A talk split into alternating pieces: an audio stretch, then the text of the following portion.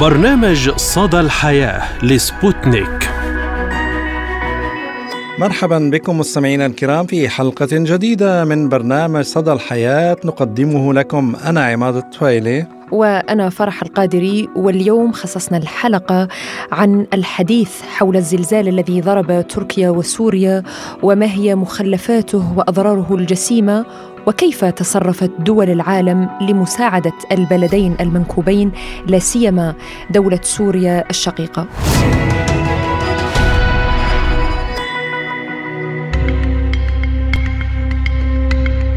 أكبر خطر قد يهدد البشرية هي تلك الكوارث الطبيعية التي لا يمكن للإنسان التحكم أو التدخل في توقيت حدوثها أو حتى صدها أو إيقافها. وتعد الزلازل من بين أكثر الكوارث الطبيعية التي تحدث تأثيرا مأساويا على حياة آلاف البشر في غضون دقائق معدودة. منذ 24 عاما على وقوع أكبر كارثة طبيعية في تركيا استفاق العالم هذا الأسبوع على زلزال غير متوقع بقوة 7.8 درجات.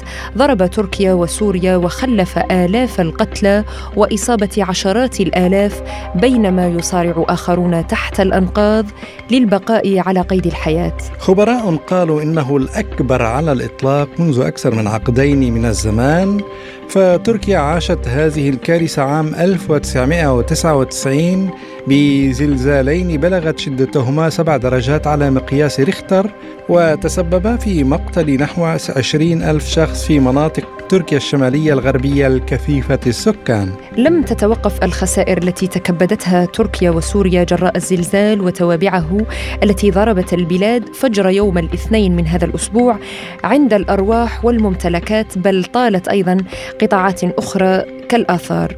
ولم يشهد المواطنون السوريون سابقا زلزالا بهذه الشدة منذ 28 عاما أو على الأقل خلال العمر الاستثماري للشبكة الوطنية للرصد الزلزالي في سوريا التي بدأت عملية الرصد عام 1995 الحمد لله على كل حال بس الحمد لله. الحمد لله. الحمد لله على كل حال الحمد لله. كسر ظهرنا والله كسر ظهرنا والله كسر ظهرنا. تلاقي العجايك خينيس. لا أب ولا حسبي الله ونعم الوكيل يا سنة مطول بارك. والله مشي امور عيلي والله والله العظيم مشي امور عيلي تكاثفت الجهود والمساعي الدولية للوقوف إلى جانب سوريا وتركيا في هذه الكارثة المأساوية وتضافرت بإرسال فرق للإنقاذ والمساعدات عقب كارثة هذا الزلزال المدمر. ولكن في ظل هذه الكارثة المأساوية تردد العديد من الدول بإرسال مساعدات إنسانية لسوريا متخوفة من قانون قيصر الأمريكي الذي فرض على سوريا ومنع أي دولة من التعامل مع الحكومة السورية في استهتار بمفهوم الإنسانية في مثل هذه الظروف حيث لم يعد للوجود الإنساني أي معنى. نحن نناشد الدول كل من عنده إنسانية كل من عنده دم يتحرك كل من عنده ضمير يساعدنا ما عندنا إمكانية إحنا. أطفالنا نسواننا شيابنا كلها تحت الأرغاث نحن نحن كارثة. كل طوابق نازلة فوق الأرض. بشهر وثلاث شهور ما نطالع الميتين نحن نحن كارثة كارثة وما بي عندنا إمكانيات شيء. حسبي الله ونعم الوكيل. وقد ناشدت سوريا الدول الأعضاء في منظمة الأمم المتحدة والأمانة العامة للمنظمة ووكالاتها وصناديقها واللجنة الدولية للصليب الأحمر والمنظمات الدولية لمد يد العون ودعم الجهود التي تبذلها الحكومة السورية في مواجهة تداعيات الزلزال المدمر. لكن من جانب آخر هناك عدة دول مثل الجزائر والإمارات وروسيا والعراق وتونس والكويت وإيران ولبنان وسلطنة عمان والبحرين والأردن بإرسال مساعدات فورية وفرق تطوعية للإنقاذ وللدعم العاجلين.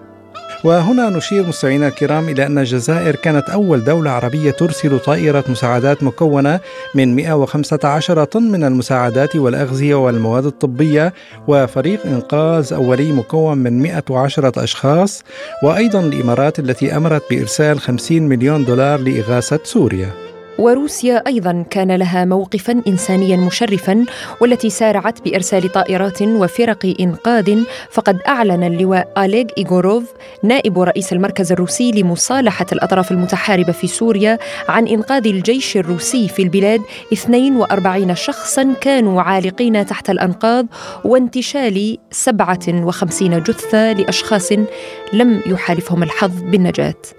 وأضاف في بيان له أنه تم تسليم أكثر من 11 طنا من المواد الغذائية والمواد ذات الاحتياجات الأساسية للسكان في ثمانية نقاط لتوزيع المساعدات الإنسانية في سوريا وتلقى 194 مواطنا مساعدة طبية من خلال المركز. كما فتح الجيش الروسي مستودعاته الاستراتيجية في قاعدة حميميم وبدأ بتوزيعها بشكل عاجل على متضرري زلزال في محافظة اللاذقية. وأيضا توجه سكان العاصمة الروسية موسكو إلى السفارتين السورية والتركية حاملين الورود تضامنا مع منكوبي زلزال المدمر. وبدورها فتحت السفارة السورية بالعاصمة موسكو أبوابها لجمع التبرعات وإرسالها بشكل عاجل إلى سوريا لمساعدة الأهالي والمنكوبين. التفاصيل مع مراسلنا جون إلياس. منذ ساعات الصباح الأولى تحولت آه، سفارة الجمهورية العربية السورية في العاصمة الروسية موسكو إلى ورشة عمل كبيرة جدا حيث يتوافد منذ ساعات الصباح الباكرة. آلاف المواطنين الروس واعداد من الهيئات الرسمية التي تعنى بالشأن الإنساني. في إرسال المساعدات للمواطنين السوريين المتضررين جراء الزلزال الذي آه، أصاب البلد. تبرعات كبيرة وافدون بأعداد كبيرة. تختلف آه، هذه التبرعات آه، وتتوزع وتتنوع من ملابس آه، للنساء والرجال وملابس للأطفال. نشاهد وصول عدد كبير من المواد الغذائية المخصصة للأطفال بالإضافة إلى الأسرة واللحف والشراشف والمخدات. وفود حتى اللحظة وفود أعداد كبيرة وعمل كبير للقائمين. على السفارة في عملية فرز وتجهيز هذه المساعدات لإرسالها بأسرع وقت إلى سوريا وإلى المتضررين ونشاهد قيام الطلبة السوريين الغيورين على بلدهم بالقدوم إلى السفارة بأعداد كبيرة للمساعدة بكل ما أوتي به من قوة وتتواصل جهود فرق الإنقاذ السورية بدعم من جميع القطاعات الحكومية على رأسها الجيش السوري وبمؤازرة فرق الإنقاذ الروسية والعربية والأجنبية في عملية البحث عن ناجين تحت الأمراض كما تستمر حصيلة الضحايا بالارتفاع بالتوازي مع عمليات البحث التي تقودها هذه الفرق المنتشرة في مختلف المحافظات السورية المتضررة حيث تؤكد منشورات الكثير من المواطنين على وسائل التواصل الاجتماعي إلى وجود عدد كبير من الضحايا العالقين تحت الأنقاض حتى اللحظة.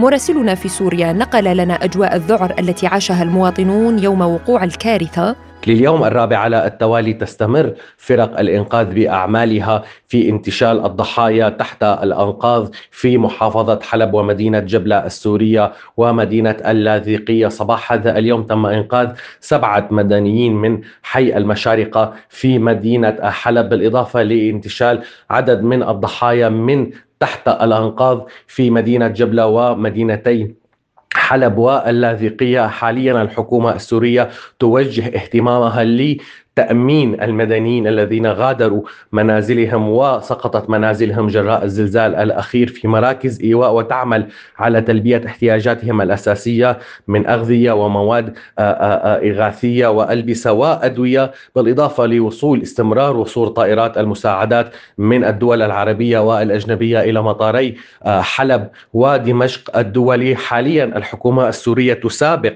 الزمن للانتهاء من عمليات عمليات الإنقاذ والبحث عن ضحايا تحت الركام في محافظة حلب ومحافظة اللاذقية. في الدرجة الثانية تعمل الحكومة السورية على عملية ثبر سريعة للمباني التي قد تسقط جراء الهزات الارتدادية التي تحصل ما بين الحين والآخر. وهذه الأبنية غير آمنة وبالتالي تفاديا لسقوط مزيد من الضحايا في المحافظات السورية. كما تواصل ميكروفون سبوتنيك مع أهالي الضحايا وتحدثوا عن الوضع هناك. والله نحن مباشرة من وقت ما صارت الهزة نزلنا على الشوارع وصرنا نتواصل مع المواطنين ومع أعضاء لجان الحي. صار أعضاء لجان الحي متوزعة بكل الشوارع. يعني وكل شوي نتصل فيهم ووين في أضرار وين في هذا نتابعه ونتصل. آه، خبرنا القطاع خبرنا البلدية خبرنا الشرطة خبرنا شغله الحزب قياداتنا كلها حطيناها بالصورة. وقت اللي هون جيت لقيتها لسه طيبه جديد خبروني عليها. تواجدت فورا اتصلت كمان بالأجهزة المعنية على الفور بادروا فورا لاستنفار كامل. بستان القصر تابع لارض سابا أرض البديرية تابع لمساكن التربية تابع لمنطقه جامع القصر. لحد الآن ما بنحسن نحصي لحد الآن في أولويات يعني.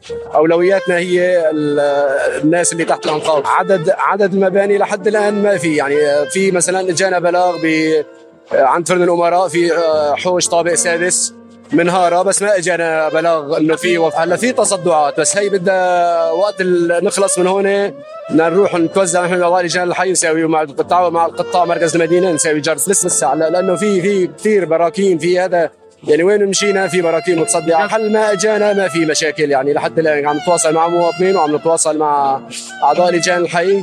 حاليا مستنفرين هون في هالمكان هذا لأنه عم نسمع في 13 مدني ساكن هون جوا ومساكين بعد ما طلعوا رجعوا دخلوا بالهزه الارتدالية وقت البنايه صار زلزالين كبار بناي فريت طلعنا على البيت رجعنا نزلنا. ما في نص ساعة صار زلزال خفيف. هو صار خفيف طبت البناية 11 شخص 11 شخص؟ في عندي قرايبيني كمان اثنين. يعني قرايبينا كمان اثنين هون. آه، بنت وامها بس نحن وقت اللي صارت العالم رجعت لهون. دخلوا على بيوتهم بالسبعة وخمسة بالضبط. صار الزلزال الخفيف طبت البناية يعني طبت فرد هيك. يعني في عالم طلعت وعالم ما حسيت تطلع.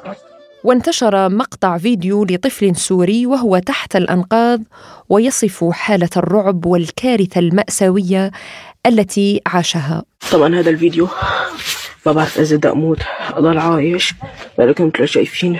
الحمد لله على كل شيء. أشهد أن لا إله إلا الله وأشهد أن محمد رسول الله. إذا رح أموت أضل عايش. لكن زي هذا الفيديو نزل أنا الحمد لله طلعت طلعت عايش. ما, ما بعرف أوصف لكم الشعور إلا واحد يعيشه. عشت الشعور أنه كنت تحت الأنقاض. أنتم شايفين حاليا؟ هاي تحت الأنقاض والناس يعني أكثر من من يمكن عيالتين ثلاثة أربع عيال. نحن وعيلتي سمعانين والجيران تبعتنا. الله يعين هزة أرضية. حرفيا ما بعرف شو بدي أوصف لكم رجعت رجعت.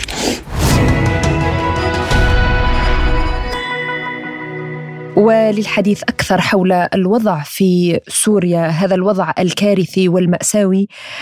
نستضيف معنا رئيس مجلس إدارة جمعية نور السورية للإغاثة والتنمية الأستاذ محمد جلبوط. أهلا وسهلا بك أستاذ محمد وشكرا لك لتواجدك اليوم معنا. أهلا وسهلا فيك وبكل مستمعين سبوتنيك آه، يعني هذه الكارثة المأساوية التي ضربت كل من سوريا وتركيا واليوم الإحصاءات في تزايد أكثر من 12 ألف قتيل وأكثر من 60 ألف آه، ضحية. يعني كيف هو الوضع حاليا في سوريا؟ وكيف ترون عمليات الإغاثة؟ للمنكوبين؟ في الواقع آه، في الواقع لا شك أن الكارثة كانت يعني مفاجئة وسريعه، ردات الفعل الدولية للأسف كانت يعني آه، مبحوحة الصوت تجاه سوريا بينما يعني اكتفت الإدارة الأمريكية وغيرها من الإدارة الألمانية وغيرها من دول الاتحاد الأوروبي بتصدير بيانات خلبيه ووهمية تؤكد فيها أن العقوبات لا تؤثر على سير العملية فيما يخرج صوت وكالات الأمم المتحدة العاملة في سوريا لتؤكد من جديد من بقية كلام الدولة السورية وحلفائها فيما يتعلق بالمعوقات الكبيرة التي تعوق عملية وصول المساعدات الإنسانية لضحايا هذا الزلزال. اليوم المشهد مأساوي في العديد من مناطق سوريا، في حلب، في اللاذقية، في جبلة، في حماة وأيضا في إدلب. اليوم يعاني هؤلاء في العراء. وسط ليس فقط ظروف مأساوية نتيجة الزلزال إنما أيضا ظروف جوية. يعني هناك أيضا عاصفة تزامنت مع هذا الزلزال. الناس في العراء أرقام الجرحى أرقام الجرحى وأرقام الشهداء كبيرة لا شك لكن الأكبر من هذه الأرقام هو آه، آه، أرقام المتضررين بشكل آه، آخر من الزلزال نتيجة تصدع بيوتهم وعدم إمكانيتهم للعودة إليها، هؤلاء يعانون من أبشع أنواع القهر والظلم نتيجة وجودهم في مراكز إيواء وفي العراء. تقوم الحكومة السورية والمؤسسات الأهلية بالعديد من المبادرات لمحاولة لملمه جراح هؤلاء الناس هؤلاء النازحين الجدد كما آه، يعني يسميهم بعض وسائل الإعلام الذين آه، يفترشون الأرض والحدائق والمدارس ومراكز الإيواء يعانون من يعني غياب أبسط آه، حقوق العيش الكريم أو أبسط مقومات الحياة اليومية أو قوت يومهم ليستمروا بالحياة، ليس فقط من أجل عودتهم إلى بيوتهم وإنما فقط لاستمرارهم لحين انتهاء عمليات الهندسي وفرق الهندسي من التأكد من صلاحية البيوت وجاهزيتها لإعادة الناس إليها. الوضع مأساوي، الوضع كارثي، للأسف آه، صمت دولي غياب حقيقي للمساعدات الدوليه المؤثرة والفاعلة، لا شك هناك موقف آه، مشرف من كثير من حلفاء سوريا في مقدمها روسيا الاتحادية، في مقدمها أيضا الجمهوريه الاسلاميه الإيرانية، الجزائر، الأردن، دولة الإمارات العربية المتحدة، لكن آه، هذه المساعدات غير كافية، لا تستطيع تلبية الاحتياجات الكبيرة لبلد يعاني من 12 عاما من الحصار والتجويع، لبلد يعاني من عقوبات اقتصادية ظالمة مفروضة عليه من قبل آه، من يسمون أنفسهم بالشرعية الدولية دون أدنى وجه حق أو مبرر. العقوبات تفرض على الشعب السوري وليس فقط على الدولة السورية. وجه الهلال الأحمر آه، نداءات. وجهت بالأمس آه، عدد من الجمعيات نداءات. مطالبة بإنهاء هذا الحصار مطالبة بكسر هذا الحصار مطالب المجتمع الدولي للتدخل ومؤسساته الدولية للتدخل لوقف هذه المأساة اليومية المستمرة على الأراضي السورية. طيب أستاذ محمد يعني آه، العقوبات الأمريكية واضح والسياسة الأمريكية آه، بشكل عام والغربية تكيل بمكيالين واضح يعني لكن عربيا آه، أسأل يعني هل استجابت الدول العربية لنداء الاستغاثة الذي وجهته الدولة السورية؟ الحقيقة أن بعض الدول العربية نعم يعني نتحدث عن أربع طائرات من الجزائر مزودة بفرق من المنقذين مزوده ببعض التجهيزات. نتحدث عن آه، أيضا وفد لبناني التقى برئيس الأسد آه، صباح امس وكان يحمل العديد من المساعدات والمستلزمات الطبية. نتحدث عن ثلاث طائرات آه، من دولة الإمارات العربية المتحدة. نتحدث عن آه، أيضا دعم عراقي كبير حقيقة آه، ومباشر كان عبر الحدود البرية وأيضا عبر الطائرة التي وصلت من يعني أقول الطائرة الأولى ربما التي وصلت إلى سوريا مسرعة. إضافة إلى تأمينها بعض المستلزمات الخاصة بالفيول وغيرها. هذا هذا الأمانة تضامن عربي لكنه غير كافي. هذه بعض الدول العربية. يعني هذه الدول العربية يعني مثل الجزائر أو العراق أو لبنان التي أصلا كان لها مواقف. المطلوب اليوم أن ننزع الخلاف جانبا. يعني المطلوب اليوم آه، سيدي عدم تسييس هذه المسائل. وعدم تسييس تماما. يعني اليوم هذا الزلزال لم تتسبب به لا نظام ولا معارضة.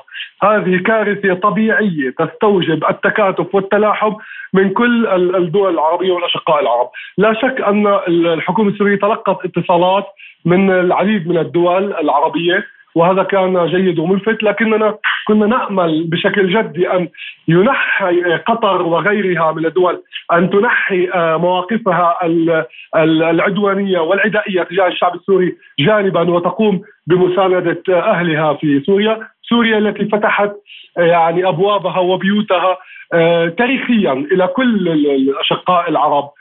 سوريا التي قدمت الدعم والمعونة إلى كل الدول العربية التي عانت سابقا أو ما زالت جراء سواء الاحتلال أو حتى الكوارث الأخرى. سوريا اليوم تعاني مستنزفه جريحة بعد 12 عاما من الحرب وأيضا محاصرة. هناك كوارث يعني نتذكر يعني ليس عدة أشهر فقط تفصلنا عن حرائق ابتلعت الساحل السوري. آه، ضعف في الإمكانيات ضعف في الكوادر البشرية. آه، محاولة تدمير ممنهج لصمود الشعب السوري ول حياته اليومية من خلال هذا التجويع من خلال هذا الحصار. نقص المستلزمات الطبية الحاد الذي تعاني منه المشافي لا سيما بعد أزمة كورونا. نستطيع أن نقول أن ما يعانيه الشعب السوري لا يعانيه أحد الآن في العالم. يعني 12 عام من الحرب وحرائق إضافة إلى الحصار والتجويع والقهر آه، دون أدنى يعني احترام لمشاعر الناس أو حتى لعقولهم. يعني عندما يخرج الإدارة الأمريكية أو المبعوث الألماني قبل أيام أو قبل يومين ويتبجح كذبا وزورا وبهتانا علنا. فهذا يعني هذا هذا أبشع أنواع الظلم وابشع أنواع العدوانية حقيقة. لا نستطيع أن نقول ان هناك موقف أمريكي أو أوروبي محايد أو محاصر فقط إنما هو عدو حقيقي للشعب السوري. هو شريك في هذه الآلام شريك في هذا الاعتداء شريك في كل الكوارث التي تحصل الآن في سوريا سواء من خلال العدوان المباشر وقواعده الأمريكية الموجودة في الشمال ودعمه للميليشيات الإرهابية المسلحة وسواء بمنعه للمساعدات الإنسانية التي تحتاجها سوريا لمواجهة هذه الكارثة الطبيعية التي لا ذنب لأحد فيها. أه قلت أنه علينا أن ننزع الخلاف جانبا، برأيك يعني لماذا لا تفصل أنظمة الدول بين المشاكل السياسية والاقتصادية والكوارث الطبيعية؟ اليوم سوريا وتركيا أمام لا سيما سوريا نحن يعني نتحدث عن شعب شقيق ودولة عربية على كل الدول العربية وحتى الدول حول العالم التكاتف للمساعدة. آه، رأينا الكثير من المنشورات عبر الفيسبوك بطلب جمع التبرعات للأهالي والضحايا في سوريا.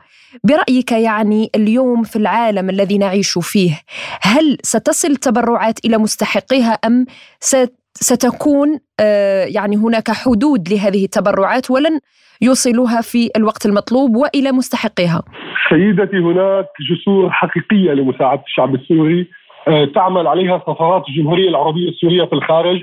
رأينا بالأمس حالة التضامن الشعبي والأهلي الكبيرة التي حصلت أمام السفارة السورية في موسكو وأمام السفارة السورية في أبو ظبي وأمام قنصليتها في دبي. رأينا بشكل جدي عشرات ومئات من العرب الذين يحاولون فعلا مد يد العون لإخوتهم في سوريا، هناك فعلا حالة تعاطف شعبي عربي واسعة، هناك أيضا لحمة من السوريين تجاه ما يجري في وطنهم، أنا أقول آه، أن دعم عملية جمع التبرعات هي مسألة مهمة.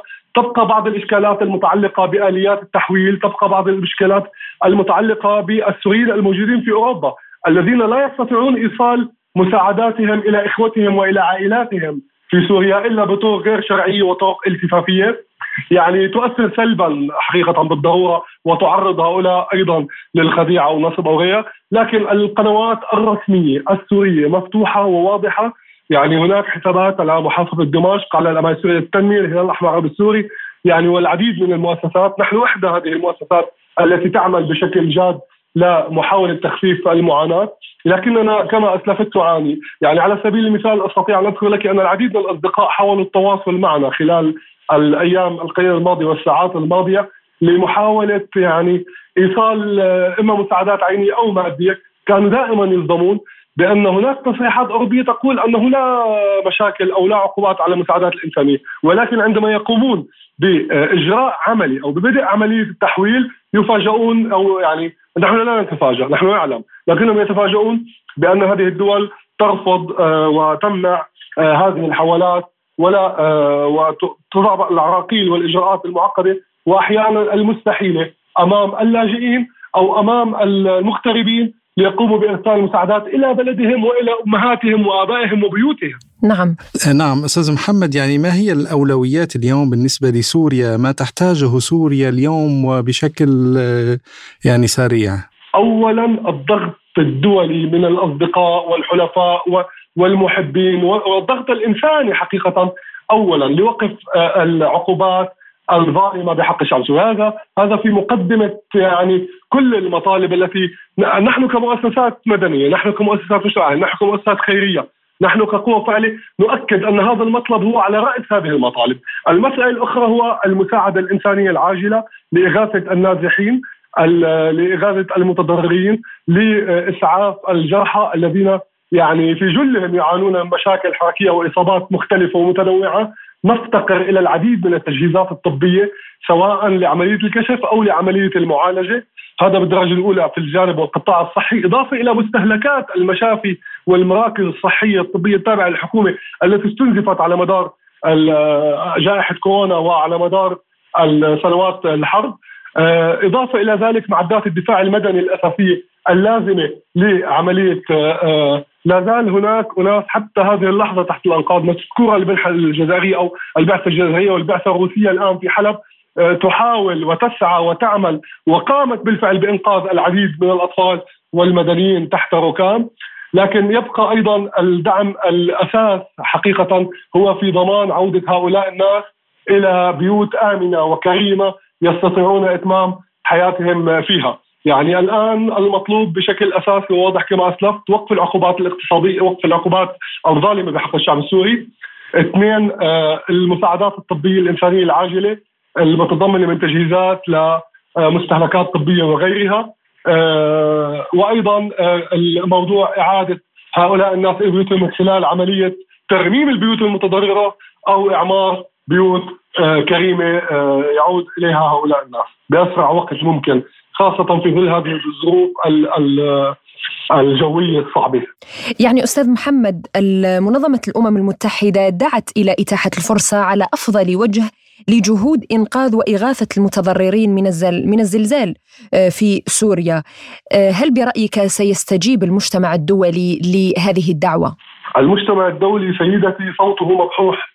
يعني المجتمع الدولي هو أسد في أوكرانيا و وأرنب في فلسطين، المجتمع الدولي يعني آه، للأسف الشرعية ما يسمى بالشرعية الدولية أو المجتمع الدولي أو قاده المجتمع الدولي للأسف آه، يسيسون حتى الهواء الذي يتنفسه الشعب السوري.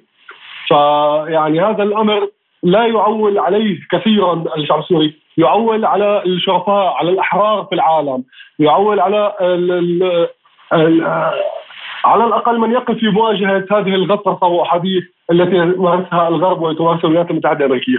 اليوم وكالات الأمم المتحدة في سوريا على سبيل المثال حتى هذه اللحظة لا يوجد خطة استجابة واضحة ومباشرة وحقيقية بعد أكثر من 72 ساعة للحادثة. حتى اللحظة وأنا أؤكد هذا الحديث منظمة الصحة العالمية أرسلت طائرتين عبر مستودعاتها من الإمارات العربية إلى سوريا هناك أيضا يعني سعي أو يعني علمنا صباح اليوم من مكتب الأوتشا في الأمم المتحدة أن هناك آه، بعثة موجودة في لبنان تقوم بالتحضيرات يعني حتى اللحظة حتى اللحظة هذه الدول التي رأينا عددها تهب لنصرة الشعب التركي الذي نحب ونحترم ونواسيه في هذه المأساة الكبيرة التي حلت علينا وعليهم. لكن رأينا عدد الدول التي أرسلت طائراتها وأساطيلها ومساعداتها إلى الأخوان في تركيا في مقابل أضعاف هذا الرقم من المنكوبين في مقابل ظروف صعبة مختلفة تماما عن الظروف التي تعيشها تركيا في مقابل دولة قوية ومستقرة وعضو في حلف الناتو ودولة فقيرة منهكة مستنزفة تعاني بأبشع أنواع التنكيل وال والإرهاب وغيره. لم تخرج أصلا من ضربات الحرب. نعم. واضح ميزان المجتمع الدولي أعتقد عزيزتي. واضح الميزان الذي يتعامل به المجتمع الدولي مع سوريا.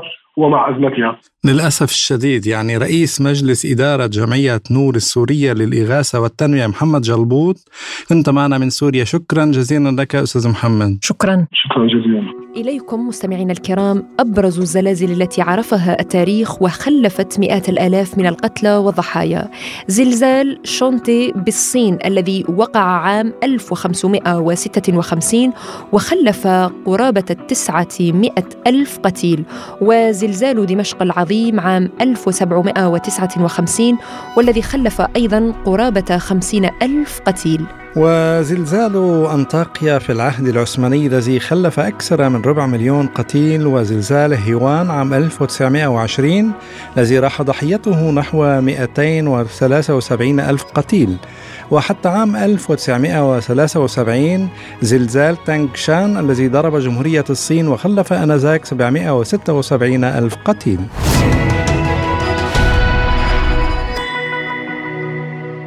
إلى هنا نصل وإياكم مستمعينا الكرام إلى ختام حلقة اليوم من برنامج صدى الحياة وننقل خالص تعازينا إلى أهالي الضحايا والقتلى في سوريا وتركيا. كنت أنا معكم من استديوهاتنا في موسكو. أنا فرح القادري. وأنا عماد الطفيلي والرحمة لكل الضحايا والشفاء العاجل لكل المصابين وشكرا لإصغائكم وإلى اللقاء. إلى اللقاء.